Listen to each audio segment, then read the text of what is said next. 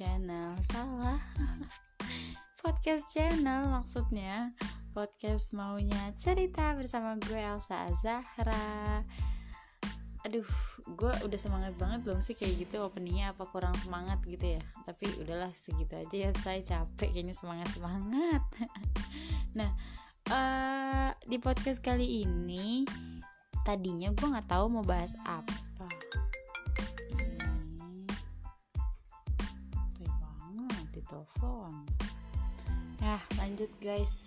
bete banget kan lagi nge-record kayak gitu ditelepon sama bokap yang jaraknya cuma sebelahan sama kamar. Di rumah gue tuh gitu. Males banget beranjak gitu dari tempat tidur. Kalau udah rebahan mereka udah capek mungkin ya seharian beraktivitas di luar jadinya gitu nyuruh anaknya tinggal telepon telepon chat atau enggak ya gitulah. Nah lanjut sampai mana tuh kan? Gue jadi ngeblank ya pokoknya di podcast kali ini tadinya gue nggak tahu mau bahas apa dan gue udah melakukan uh, polling nggak polling sih nanya box question box gitu di Instagram dan ada udah udah ada yang beberapa jawab di Instagram gue di @elsaazhp boleh di follow. Kalau nggak mau juga nggak apa-apa.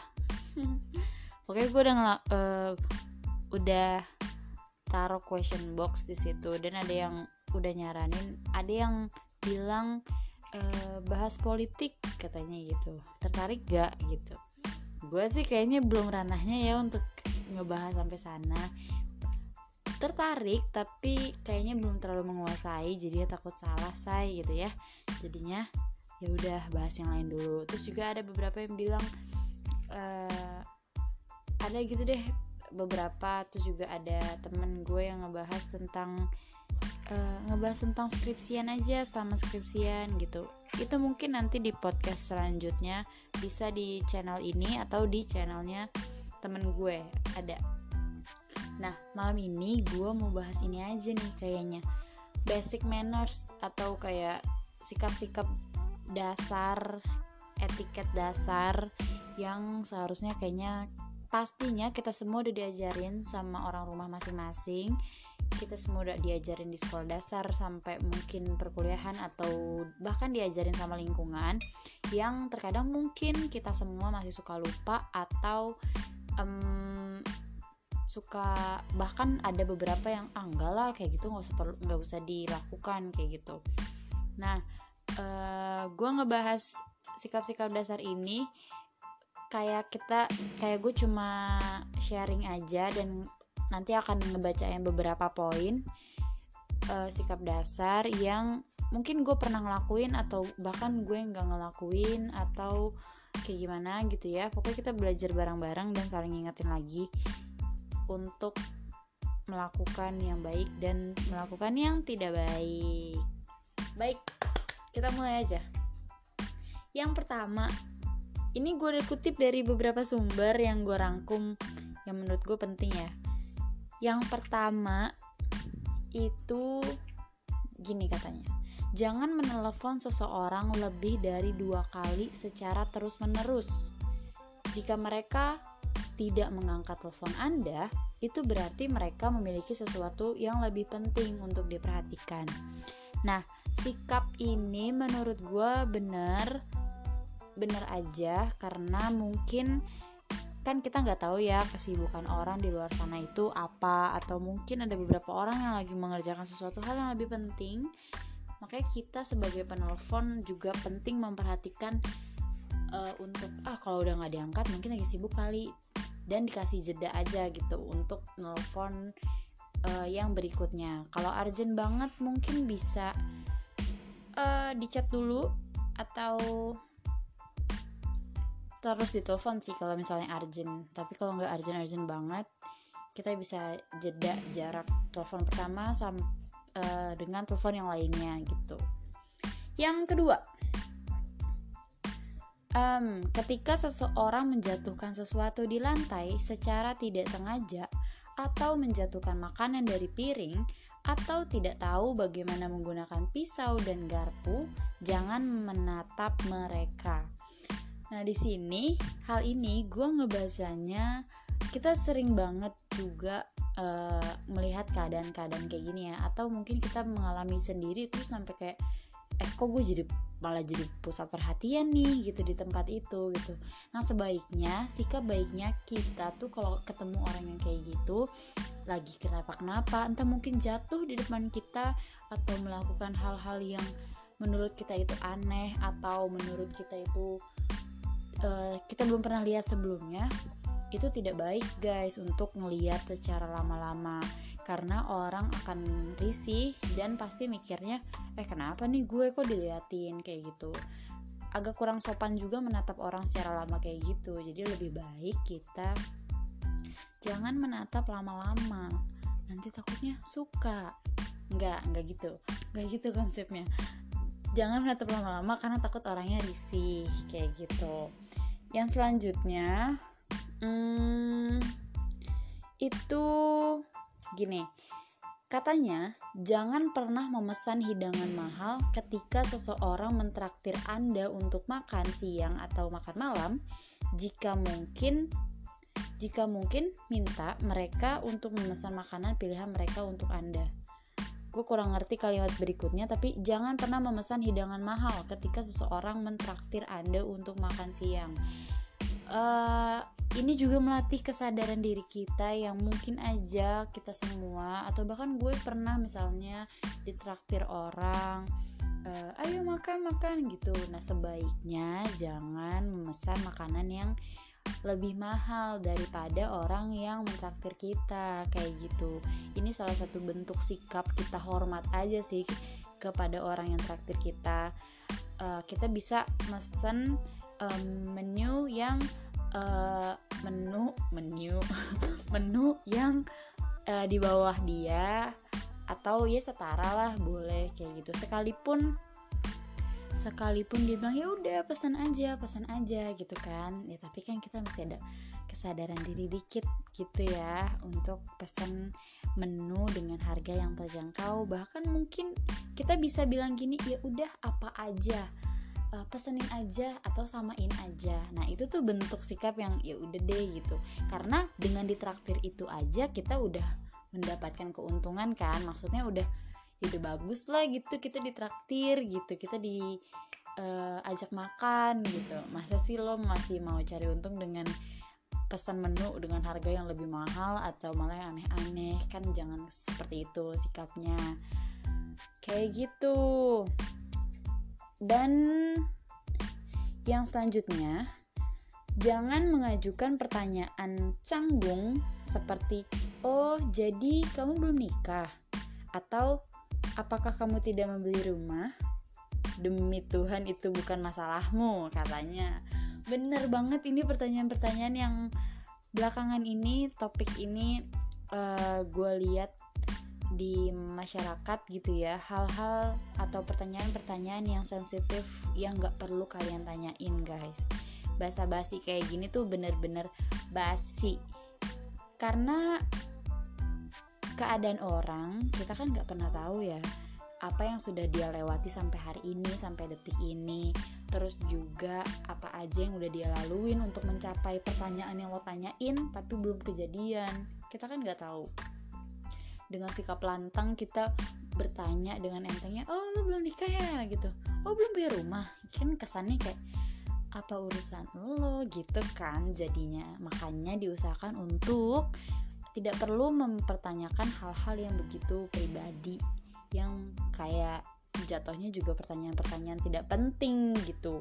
Mendingan nggak usah kalian kan bisa basa-basi tentang hal lain atau ya nggak usah basa-basi mah lebih bagus gitu. Langsung aja ke poinnya kayak gitu. Masih banyak kok basa-basi lain yang bagus gitu untuk disampaikan. Yang selanjutnya ini katanya gini selalu buka pintu untuk orang yang datang di belakang Anda. Tidak masalah apakah itu laki-laki atau perempuan. Karena Anda tidak menjadi kecil dengan memperlakukan seseorang dengan baik di depan umum. Benar banget gue setuju banget sama pernyataan ini. Ini contohnya aja kayak misalnya kita ke minimarket. Kita kan sering banget ya kita uh, ke ke minimarket buka pintu kayak belakang kita tuh pasti ada orang yang ikut juga mau masuk atau ikut juga mau keluar. Nah gue biasanya emang kayak gini ya udah gitu. Kalau gue udah ngeliat nih oh orang belakang gue mau masuk nih contohnya. Udah deket banget tuh jaraknya. Itu sebisa mungkin kayak gue buka gue tahan tuh pintu sampai pintu itu diraih lagi sama orang belakang gue gitu ibaratnya nggak sampai ketutup dulu tuh pintu gitu. Kan itu sedikit mempermudah orang lain dan bentuk kesopanan aja. Bahkan ada beberapa uh, waktu yang gue lakukan gue lakuin itu orang belakang gue sampai kayak oh makasih ya mbak gitu. Iya bu sama-sama gitu. Kan enak banget. Padahal itu suatu hal kecil doang yang hal kecil bentuk hal kecil yang memperhatikan orang lain gitu gitu. Itu penting banget. Yang selanjutnya. Yang selanjutnya itu hmm, hormati pendapat politik yang berbeda. Mungkin kalau gua sedikit merubah kalimat ini hormati pendapat apa pun pendapat orang lain jika pendapat itu berbeda dengan kita. Kayak gitu. Nggak mesti politik tentang apa pun kalian bisa lagi discuss di forum apa kalian lagi rapat atau kalian bahkan cuma kayak lagi ngobrol bertiga atau berdua sama seseorang. Ketika pendapat orang itu beda kita harus berusaha untuk hormati dulu pendapat itu. Minimal dengarkan dulu pendapat itu. Jangan langsung dicela jangan langsung di uh, enggak deh kayak lo salah deh kayak gitu gitu. Mungkin gue juga pernah melakukan kayak gitu ya uh, langsung kayak gitu tapi uh, tidak intinya dan tidak salah juga kalau kita belajar terus belajar untuk menghormati pendapat orang lain yang berbeda dengan pendapat kita kayak gitu yang selanjutnya sama nih uh, jangan pernah menyela pembicaraan orang. Nah ini sama kayak yang tadi sebelumnya. Uh, jangan pernah memotong, menyela tuh memotong ya, memotong pembicaraan orang lain sebelum orang itu selesai. Nah pernyataan ini tuh sama aja kayak kita melatih diri kita sendiri untuk jadi pendengar yang baik. Misalnya ketika teman kalian lagi curhat, ketika teman kalian lagi berkeluh kesah tentang apa pun itu, percintaan, keluarga, atau masalah perkuliahan dan sebagainya itu jangan menyela atau memotong dulu pembicaraannya sebelum pembicaraan itu selesai. Di situ ketika kita bersikap seperti itu, bersikap tidak memotong pembicaraan orang, di situ tuh kita udah menjadi pendengar yang baik. Makanya dengerin dulu sampai dia benar-benar selesai, baru lo bisa balas uh, percakapannya kayak gitu. Itu akan lebih terlihat juga terlihat lebih sopan dan pembicaraannya juga pasti flownya akan lebih santai. Jadi yang satu ngomong dulu nanti yang satu lagi nyautin gitu setelah selesai gitu. Kalau menyela terus uh, men, apa memotong terus malah jadi tumpang tindih gitu dan flownya akan gak enak gitu. Ah yang selanjutnya ini gue nggak tahu yang keberapa. Katanya gini jika Anda menggoda seseorang dan sepertinya mereka tidak menikmatinya, hentikan dan jangan pernah melakukannya lagi. Ini menggoda seseorang, bisa menggoda, bisa misalnya kalian lagi ngebecandain seseorang yang mungkin aja nyakitin perasaan dia atau membuat keberadaan dia jadi nggak nyaman di sekitar kalian. Atau mungkin kalian cuma kayak ngeledekin ngeledekin bercanda yang kayak tadi gue bilang terus kita mesti banget lihat dianya itu kayak gimana. Sekiranya udah nggak suka dianya udah nggak nyaman lebih baik di stop diberhentiin dan jangan lakuin lagi. Karena bener-bener gak nyaman banget pasti digituin. Terus juga kita sebagai yang ngegituinnya tuh harus penuh kesadaran diri untuk kayak ya udah gitu kalau dia rasa udah nggak nyaman karena kan bercandanya orang juga punya batasan masing-masing ya. Walaupun awalnya konteksnya bercanda awalnya konteksnya cuma ah obrolan biasa nih gitu. Tapi kan kita harus ingat bercandanya orang tetap punya batasan dan itu beda-beda batasannya. Makanya meminimalisir meminimalisir terjadinya dia yang sakit hati atau bahkan marah atau bahkan lebih parah tuh bisa aja dicabut gitu kan dari tempat semulanya gitu kan lebih parah banget lebih baik kita harus perhatikan juga orang itu kalau udah ngerasa gak nyaman gak suka lebih baik dihentikan aja yang selanjutnya Ucapkan terima kasih ketika seseorang membantu Anda atau ketika Anda membayar sesuatu kepada penjual. Ini bener banget. Banyak di sekitar gue, kadang-kadang gue nemuin orang-orang yang menyepelekan kata terima kasih. Karena mungkin mereka menganggap hal yang uh, barusan terjadi gitu ya, entah dia ditolong atau dia beli sesuatu atau bagaimana itu hal yang sepele bagi dia. Misalnya dia ditolong cuma ngambilin pulpen di samping gitu. Itu sepele. Tapi jadinya lupa kita bilang makasih. Padahal bilang terima kasih itu nggak ada pengecualian untuk bantuan yang gede atau yang kecil. Jadi yang kecil pun kita semua uh, harus bilang terima kasih. Gak apa-apa nih misalnya halnya hal kecil atau cuma satu hal tapi kalian nyebut nyebut bilang terima kasihnya tuh sampai tiga kali sampai empat kali makasih ya gitu. Makasih banyak ya udah nolong gitu. Itu tuh nggak apa-apa banget. Tidak membuat kita jadi uh, terlihat bawel lah atau terlihat apa sih? gitu makasih mulu gitu. Ya nggak apa-apa gitu. Kan terima kasih kan adalah kata-kata yang positif. Dan kalau menurut gue bentuk uh, ungkapan kata yang mengungkapkan bahwa kita mengapresiasi bantuan dia kita menghargai sangat bantuan dia kita menunjukkan bahwa dengan adanya bantuan dia kita ngerasa tertolong banget loh. Jadi thank you gitu. Jadi makasih banyak ya gitu. Ketaker tuh orang-orang yang kayak kadang-kadang suka hal kecil aja dia nggak makasih menurut gue ya mungkin belum terbiasa aja. Makanya mari kita biasakan yang belum biasa berterima kasih kepada seseorang. Yang selanjutnya puji di depan umum mengkritik secara pribadi bener banget. Kalian memuji orang itu boleh di hadapan. Dengan harapan orang yang kita puji itu juga dihargai dengan sekitar. Misalnya wah kerja lo bagus gitu. Wah kerja lo cekatan ya gitu.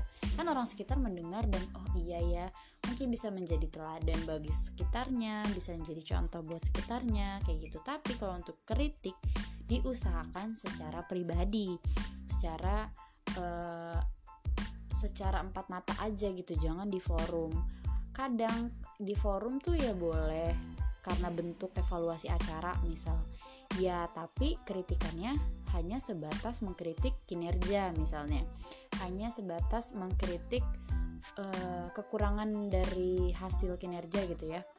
Itu boleh, tapi kalau ke impersonal terlalu personal banget lebih baik berdua aja, secara pribadi aja. Karena kritikan tidak selamanya harus orang tahu karena malah jatuhnya bukan memotivasi orang tersebut, tapi malah menjatuhkan orang tersebut. Dan dia akan malu dan sedih gitu. Kalau orang udah sedih karena dikritik ada yang termotivasi malah makin oke okay, gue makin buktiin. Ada juga kan yang ah oh, udahlah gitu.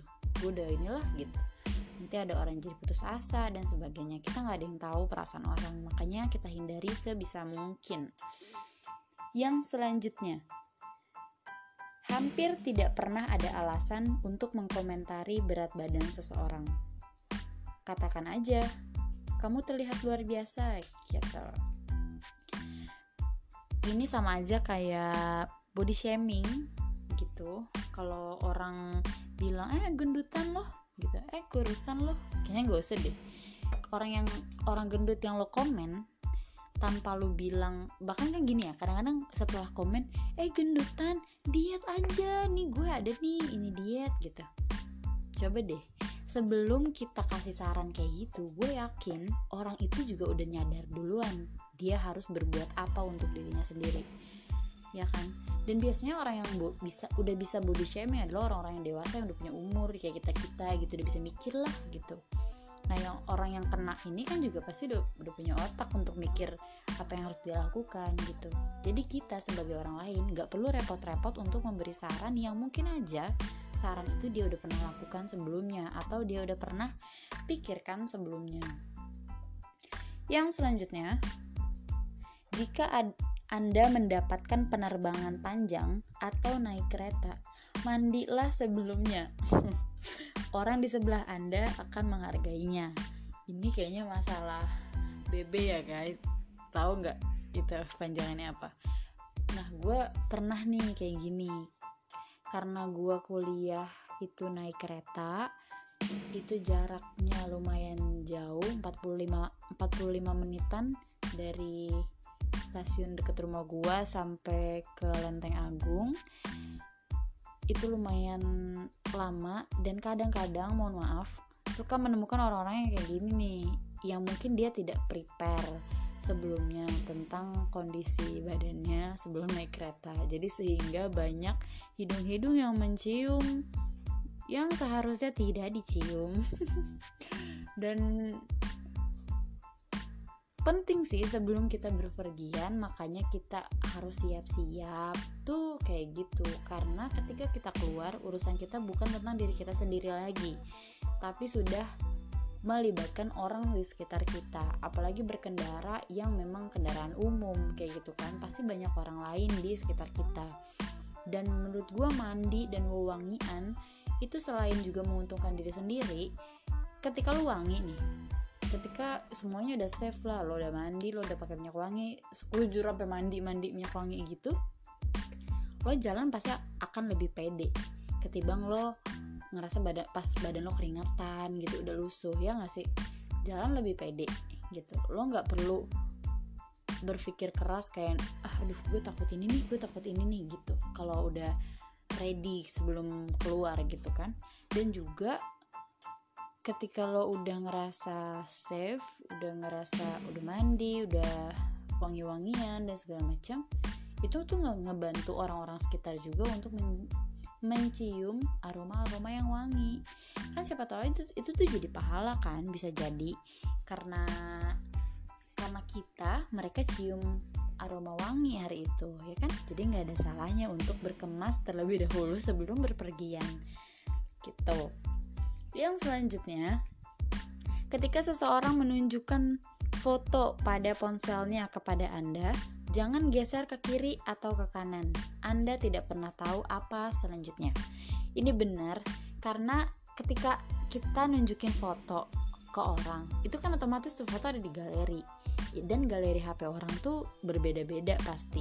Kita nggak tahu isinya apa, apa gitu kan yang pribadi banget juga bisa ada di galeri makanya sebagai bentuk sopan santun kita tidak menggeser foto-foto uh, selain foto yang ditunjukkan. Terkecuali memang kita sudah izin dan diizinkan oleh pemilik handphone. Tapi kalau tidak jangan lakukan itu. Jangan jangan menggeser foto selain foto yang ditunjukkan gitu. Karena kan kita nggak ada yang tahu.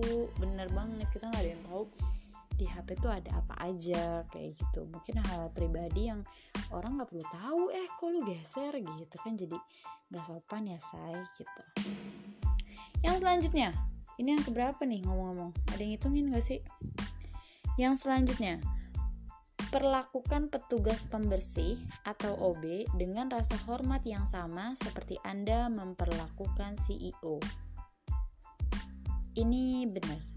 Mungkin kalau gue boleh perbaikin kalimatnya atau in generalin uh, kalimatnya bukan juga cuma petugas pembersih ya atau OB tapi kayak misalnya pedagang uh, pedagang pembersih atau orang-orang sekitarnya. Bener-bener kita tidak boleh me memperlakukan orang secara kecil gitu dan ngerasa kita besar banget gitu sampai kita berhak untuk menyepelekan dia, tidak menghormati dia, itu nggak usah kayak gitu. Semua orang itu sama, mau jabatannya apa sama.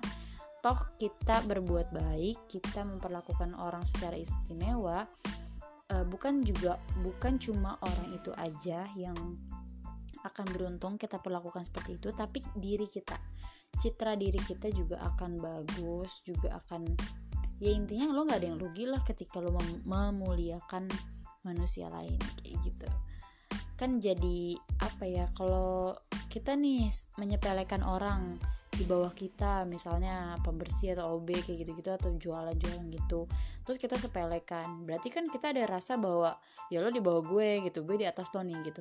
Justru bukannya orang yang di atas tuh yang harusnya lebih tahu ya gitu untuk bersikap uh, untuk beretika untuk sopan santun kok malah sikapnya kayak gitu gitu. Malah yang ada kita diketawain banget sama orang-orang yang kita rasa kita ngerasa mereka kecil gitu kan harusnya nggak kayak gitu. Orang yang ngerasa besar ya udah berarti lo harusnya lebih tahu sopan santun kayak gitu.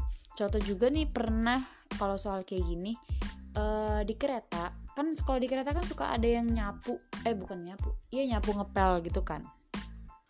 Nah bentuk rasa sopan itu menurut gua ya lu nggak ada salahnya lipat kaki lu sembunyiin kaki lu gitu ke bawah gitu ya agak ke bawah.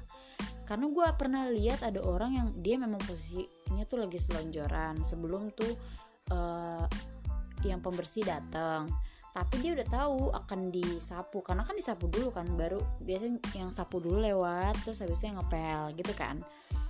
Nah dia udah tahu itu dia juga nggak keadaan tidur dan sebagainya. Dia tahu dan kaki dia selonjoran sampai ke tengah gitu di dilurusin gitu kakinya.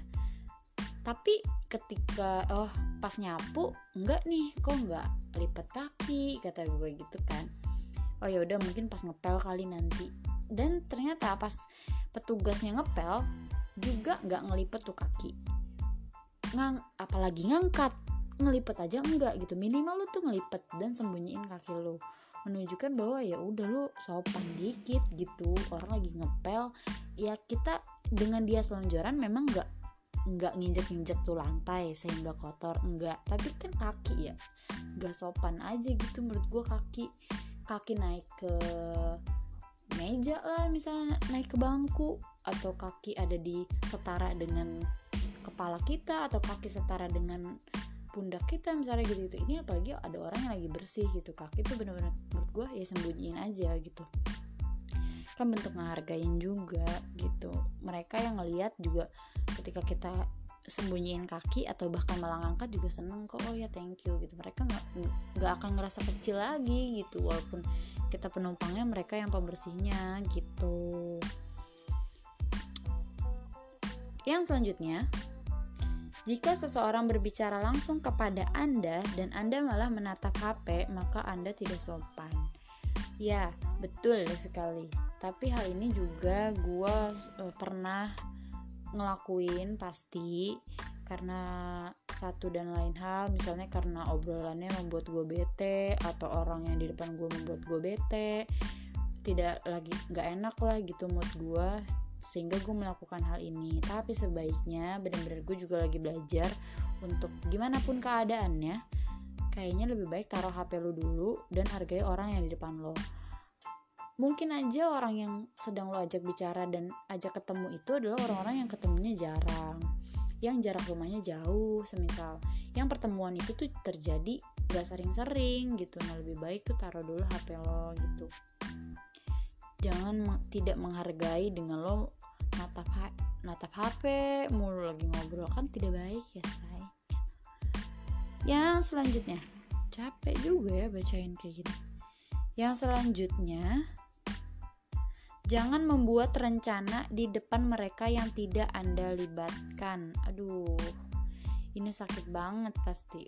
Kayak misalnya, kita berteman, ada 10 orang. Nah, si satu ini ngajakin nih, eh kita ke pantai yuk gitu. Tapi dalam hatinya, dia mau ngajaknya tuh cuma 9 orang doang sama dia gitu. Yang satu dia nggak mau ajak. Ya lu jangan ngomong depan dia lah. Gila. Ya gak sih? Atau ngomongin hal-hal lampau yang gak ada dianya. Itu sakit sih. Ketika berada di tengah-tengah dan lo gak ada padahal di tengah-tengah itu tuh mendingan kayak anjir cabut sih gitu. Kan takutnya kan dia sedih gitu. Kenapa sih jangan buat orang sedih ah? Nah yang selanjutnya apalagi hmm, mm, mm, ketika bertemu seseorang setelah waktu yang lama, jangan membicarakan atau jangan tanya umur dan gajinya. Nah, ini sama kayak yang poin tadi, jangan nanyain udah nikah belum, udah punya rumah belum, itu juga jangan. ini pertanyaan-pertanyaan sensitif yang lo nggak tahu udah seberapa usaha dia untuk mencapai pertanyaan lo itu yang dengan entengnya lo tanyain aja gitu yang selanjutnya itu hmm, ketika seorang teman atau kolega menawarkan anda makanan anda bisa dengan sopan mengatakan tidak. Tapi jangan lakukan itu setelah mencicipi dan menciumnya. Ini merupakan penghinaan bagi orang yang telah menawarkannya kepada anda. Benar banget kalau lo emang ditawarin makanan sama orang dan kayak ah gue lagi nggak pengen makan nih gitu. Gue udah kenyang atau enggak gue nggak suka sih sebenarnya sama makanan itu langsung aja bilang enggak makasih ya gitu. Eh enggak dulu deh makasih gitu. Jangan lo udah cicipin lo udah cium-cium tuh makanan terus bilang enggak. Itu akan beda maknanya. Kata tidak tuh jadi berubah makna. Kalau yang pertama lo emang orang akan berasumsi oh dia nolak karena mungkin emang kenyang gitu. Oh mungkin karena emang gak suka.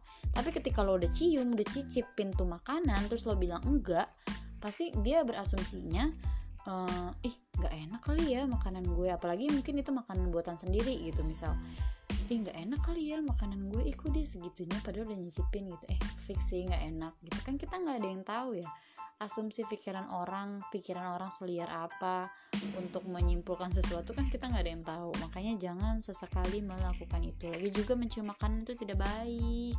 Kecuali makanannya emang lo nggak pernah lihat nih makanan apa gitu ya. Lo cium lah boleh lah tapi dengan sopan tetap yang selanjutnya.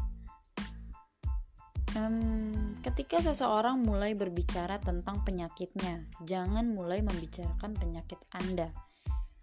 Oke, ini sama halnya kayak kalau di lebih diumumin uh, bukan juga tentang penyakit doang, tapi tentang semua masalah. Contoh, ketika teman lo lagi curhat perkara pacarnya, perkara rumah tangganya, perkara rumahnya dia gitu dengan orang tuanya dia gitu-gitu, kayaknya jangan langsung membandingkan dengan masalah lo juga gitu. Satu lo akan menjadi lo akan menjadi pendengar yang buruk.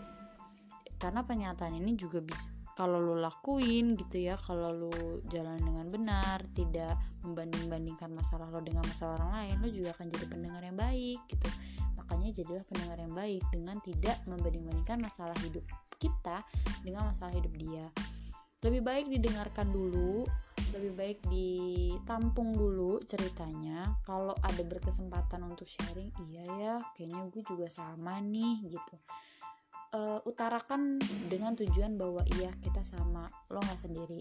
Beda ya sama yang kayak ya lu mah masih mending gue nih kayak gini. Alah basi gitu kayak gitu deh kayak gue kalau lagi curhat sama orang terus kayak gitu. Iya deh udah lu yang paling berat deh. Gue nggak nggak seberapa deh gitu. Udah males banget soalnya. Oke okay, terus ada juga hmm, pikirkan urusan anda sendiri kecuali jika ada sesuatu yang melibatkan anda secara langsung jangan ikut campur. Intinya pikirin urusan sendiri jangan ikut campur sama urusan orang lain gitu kali ya. Ini benar banget. Gue juga sebagai orang yang kadang-kadang kalau dilihat gitu ya kayak temen gue udah punya cerita berapa gue tuh cuma baru punya cerita berapa gitu yang yang keseringan tuh eh emang iya ya? Gue nggak tahu gitu. Satu karena gue nggak tahu juga mungkin kurang memperhatikan sekitar. Dua juga gue nggak mau mencari tahu gitu karena menurut gue nggak penting dan mungkin pasti juga bukan urusan gue gitu. Jadi ketika uh, apa ya ketika gue nggak tahu sesuatu ya udah biarin aja ntar juga ada yang cerita atau menjelaskan gitu. Nggak perlu gue yang kayak eh ada apa ada apa ada apa ada apa gitu. Nggak perlu kayak gitu karena nggak semuanya yang ada di sekitar itu urusan gue gitu. Menjadi bodoh amat itu penting banget biar lo nggak repot sama urusan orang lain. Terakhir terakhir nih. Ada akhirnya setelah berapa banyak nih gue bacain Jangan menyamakan kekuatan orang lain dalam menghadapi suatu masalah dengan kekuatanmu, karena jelas berbeda. Nah, ini biasanya ketika kita ngasih solusi ke orang, dia curhat, kita ngasih solusi yang mungkin aja solusi itu udah kita terapkan sampai udah makanya kata gue lu kayak gini aja udah jangan nangis lu tinggal jalan-jalan aja misalnya gitu kan nggak semua orang bisa berhenti nangis ter, uh, bisa berhenti nangis cuma dengan jalan-jalan misal. Mungkin kekuatan lo segitu. Dengan jalan-jalan terus kelar sedih lo. Tapi kan orang belum tahu belum tentu. Makanya penting banget ketika ngasih solusi ketika ngasih saran apa itu tuh disertakan dengan kalimat gini kalau gue ngadapin masalah kayak gitu tuh kayak gini. Nah tapi gue nggak tahu ya kalau lo bagaimana. Tapi kalau saran gue itu mungkin aja saran gue bisa jadi referensi lo untuk menyelesaikan masalah ini gitu. Jadi ada kalimat-kalimat yang membuat ruang untuk solusi dia sendiri ngadepin masalah yang sedang dia alami. Kayak gitu guys. Dah. Akhirnya selesai. Jadi jadi mana nih oh gila gue kaget. Kirain gak kerekam. Jadi gitu. Semua yang tadi gue bacain adalah basic manners atau sikap-sikap dasar yang perlu kita perhatikan sebelum berinteraksi dengan seseorang, sebelum kita keluar dari rumah kita untuk berinteraksi di luar atau di lingkungan luar. Yang jadi pengingat juga bagi gue dan gue juga mengingatkan kalian juga untuk mungkin aja kita sering banget lupa sama hal-hal itu, hal-hal kecil itu. Jadi kita bisa lebih belajar lagi ke depannya untuk menghargai orang sekitar. Jangan lupa bilang terima kasih, jangan lupa bilang senyum. Kok bilang senyum? Jangan lupa senyum, jangan lupa bilang maaf. Jangan lupa bilang tolong dong gitu ya kalau kalian butuh karena bersikap sopan santun, bersikap baik, beretika yang baik itu tidak membuat lo rendah di mata orang lain, malah justru mm, menambah value diri lo sendiri. Nama lo akan bagus, citra lo akan bagus ketika kita semua melakukan hal yang baik. Jangan lupa menerapkan sopan santun kepada orang-orang walaupun ribet tapi lakuin percayalah itu hal baik jadi nggak ada efek buruk apa-apa Oke, sekian dan terima kasih. Dadah.